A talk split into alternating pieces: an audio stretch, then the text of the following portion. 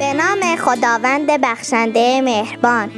خدایا بر محمد و آل محمد درود فرست. سلام همراهان خوب برنامه ایستگاه کتاب. من فاطمه محمد امین هستم. در این برنامه فصل سوم کتاب صدای بال جبرئیل علیه السلام را برای شما می‌خوانم. کتاب صدای بال جبرئیل نوشته محسن نعما با موضوع زندگی نامه حضرت محمد صلی الله علیه و آله و سلم برای نوجوانان است. امیدوارم تا پایان این قسمت همراه ما بمانید و این برنامه برای شما سودمند باشد. این فصل مریض و طبیب.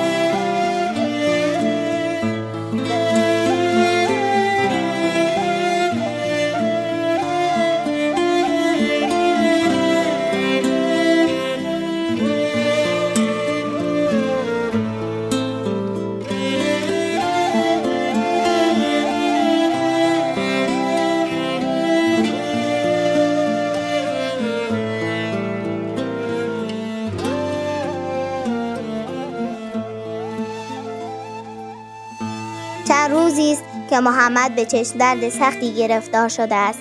چشم دردی که امانش را بریده و حال و روز برایش نگذاشته است. احساس می کند تعداد انبوهی از خارهای بیابان در چشمانش فرو رفته و هر لحظه بیشتر فرو می رود. ابو طالب بسیار ناراحت و غمگین است. در دلش نگرانی موج می‌زند او پس از درگذشت عبدالله و عبدالمطلب سرپرست محمد شده است. حس پدری نسبت به او دارد. او را از فرزندان خودش هم بیشتر دوست می دارد حال که محمد به چشم درد مبتلا شده گویا کوه غم بر سرش ویران شده است. ابو طالب محمد را نزد چند طبیب حاضق برده اما آنها از درمان محمد ناتوان ماندند. برای همین به شدت درمانده و حیران شده است. نمی‌داند چه کند. گوشه از حولی خانه نشسته و به فکر فرو رفته است. چند نفر از مکیان به دیدار او آمدند. ابو طالب آنها را به درون خانه خود دعوت می کند مکیان به خانه می درآیند نگرانی همچنان از چشمهای ابو طالب می بارد یکی از مکیان به او رو می کند و می گوید ای ابو طالب خیلی پریشانی. ابو طالب نگاهش را بالا می برد و چشم به آن چند نفر می دوزد نگرانم نگران محمد. محمد؟ مگر چه شده است؟ چندیست چشم درد بدی بر او غالب شده و امانش را بریده آیا او را نزد طبیب برده ای؟ آری اما هیچ کدام نتوانستند کاری بکنند.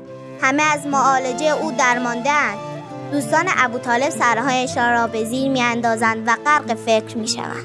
برایشان بسیار جای تعجب است که چگونه چندین طبیب حاضق و ماهر از درمان این بیماری ناتوان گشتهاند. گویا به ذهن آنها هم چیزی نمی‌رسد. لحظاتی میگذرد. ناگهان یکی از آنها سرش را بالا می‌برد و می‌گوید راهب راهب نصرانی. اگر او برای محمد دعا کند و شفایش را بطلبد حتما محمد از این مریضی نجات مییابد. برق امید در چشمهای ابو طالب می نشیند حس می کند تنها راه درمان محمد همین است.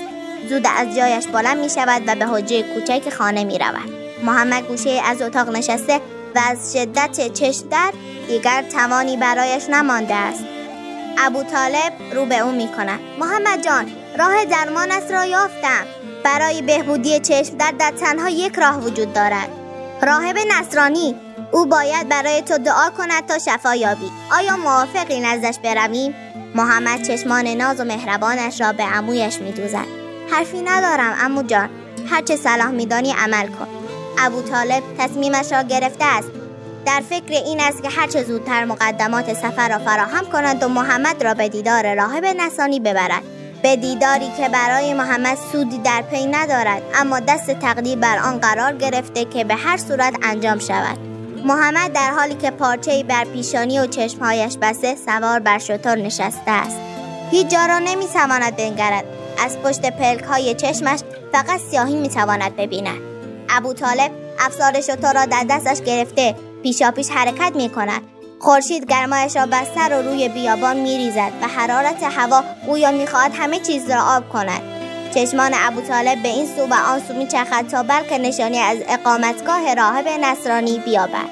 کم کم یک سیاهی از دور خودنمایی می کند ابو طالب چشمانش را تیز می کند با کنجکاوی و دقت به آنجا می نگرد نقطه بزرگتر و بزرگتر می شود و به عبادتگاه بزرگ تغییر شکل می دهد عبادتگاهی که راهب نصرانی در آن است حالا ابو طالب اندکی احساس آرامش می کند افسار شطور را در دستانش می فشارد و او را زودتر به دنبال خود می کشاند دلش می خواهد هرچه زودتر راهب را ببیند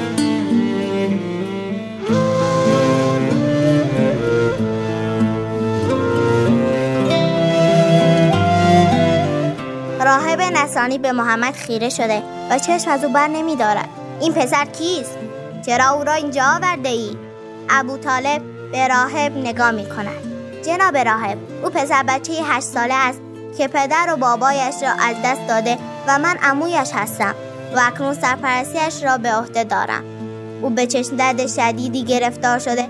همه طبیبان از درمانش ناتوان شدند. امیدوارم به برکت دعای شما خداوند او را شفا دهد. راهب هنوز چشم از محمد بر نداشته است. به او می‌گوید ای پسر برخیز و نزد من بیا. محمد در حال که هنوز پارچه بر چشمانش کشیده شده جواب می‌دهد پس جاید حرکت کن و به سمت من بیا. راهب خیلی عصبانی می شود خشم سر تا پای وجودش را فرا می گیرد ابو طالب بهت زده و حیران به محمد نگاه می کند محمد جان امو او طبیب است و تو بیمار. تو باید نزد او بروی. محمد سرش را به طرف امویش برمیگرداند. نه امو جان او بیمار است و من طبیب. او باید نزد من بیاید. شگفتی ابو طالب ده برابر می شود. حرفهای محمد برای او هم حذف شدنی نیست. راهب نیست بیشتر عصبانی می شود. و آتش خشمش بیشتر شعله می کشد. صدایش را بالا می برد. من بیمارم؟ من حال خوش ندارم؟ ابو طالب خاموش و مبهود نشسته و چشم به دهان محمد و راهب دوخته است. نمی‌داند باید چه کار کند و چه بگوید. صدا محمد او را به خود می آورد ای راهب تو بیماری پوستی داری و پیس هستی. سی سال است که این بیماری را داری و دائم برای شفایت به درگاه خدا دعا می‌کنی اما هیچ نتیجه ای نگرفته ای. آیا این گونه نیست؟ راهب از تعجب دیگر پلک هم نمی‌زند. دهانش باز مانده است. نمی‌داند خواب است یا بیدار. هیچ کس از این بیماری جز خودم و خدایم خبر ندارد. توی کودک هشت ساله چگونه میدانی که من بهد و حیرت راهب لحظه به لحظه بیشتر می شود ابو طالب مات و مبهود مانده است. باور نمی کند برادرزادهش که تاکنون این راهب را ندیده از سر او آگاه است. سخن محمد بار دیگر راهب را به خود می آورد ای راهب نزد من بیا. پاهای راهب بی اختار به سوی محمد حرکت می کند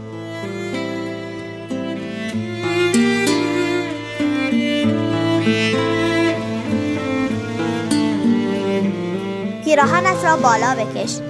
تا راستگوییم را همه ببینند راه پیراهنش را بالا می کشد مقداری از پوست بدنش دچار پیسی شده و لکه سفید رنگ و بزرگی بر روی آن دیده می شود راهب کم کم می‌فهمد که این یک کودک معمولی نیست. حس می کند با تمام وجود در برابر محمد ناتوان شده صدا التماس گونه اش را بیرون می دهد ای که بزرگی سزاوار توست. کوچکی سزاوار من. ای که در نزد خدا از همه کس مقربتری و من کرم نما و از خدا بخواد بیماریم را شفا دهد. محمد پارچه ای که بر روی چشمانش کشیده باز می کند ناگهان نوری از چهره و چشمانش پدیدار می شود و سومه راهب را غرق نور می کند محمد دستانش را بالا می برد و زبانش به دعا و ذکر تکان می خورد گویا فرشته ها روی لبانش نشستند و آن را بوسه باران می کند سپس دستانش را پایین می آرد و بر بدن راهب دستی می کشد. هیچ اثری از بیماری پیسی بر پوست بدن راهب باقی نمی ماند. پوست درست مثل روزی تولد راهب می شود. چشمان ابو طالب و راهب از شدت تعجب می خواهند از گاز خانه سرش بیرون بیایند. نفسهایشان در سینه حد شده و بیرون نمی آید.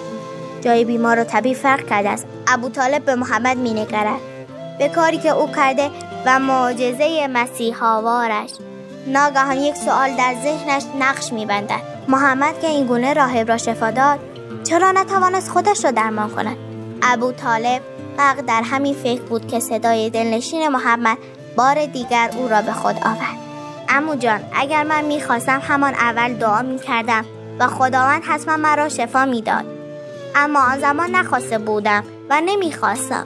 اکنون دعا می‌کنم خداوند مرا شفا دهد و بیماریم را دور کند. محمد دوباره دستهایش را برداشت و زیر لب دعایی را زمزمه کرد هنوز چیزی نگذشته بود. تمام دردهای چشمش برطرف شد. راهی باورش نمی شود از چند دقیقه پیش تا کنون در سومهش چه اتفاقی رخ داده. به ابو طالب و محمد نگاه می کند که در حال رفتن از عبادتگاه او هستند.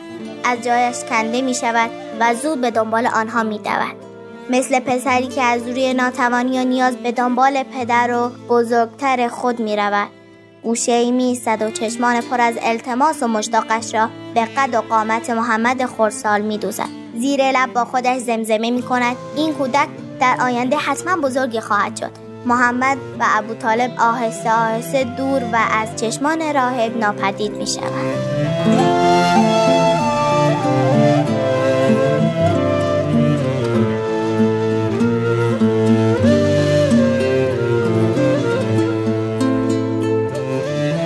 خدایا بر محمد و آل محمد درود فرست. پایان فصل سوم. تا قسمت بعدی خدا نگهدار.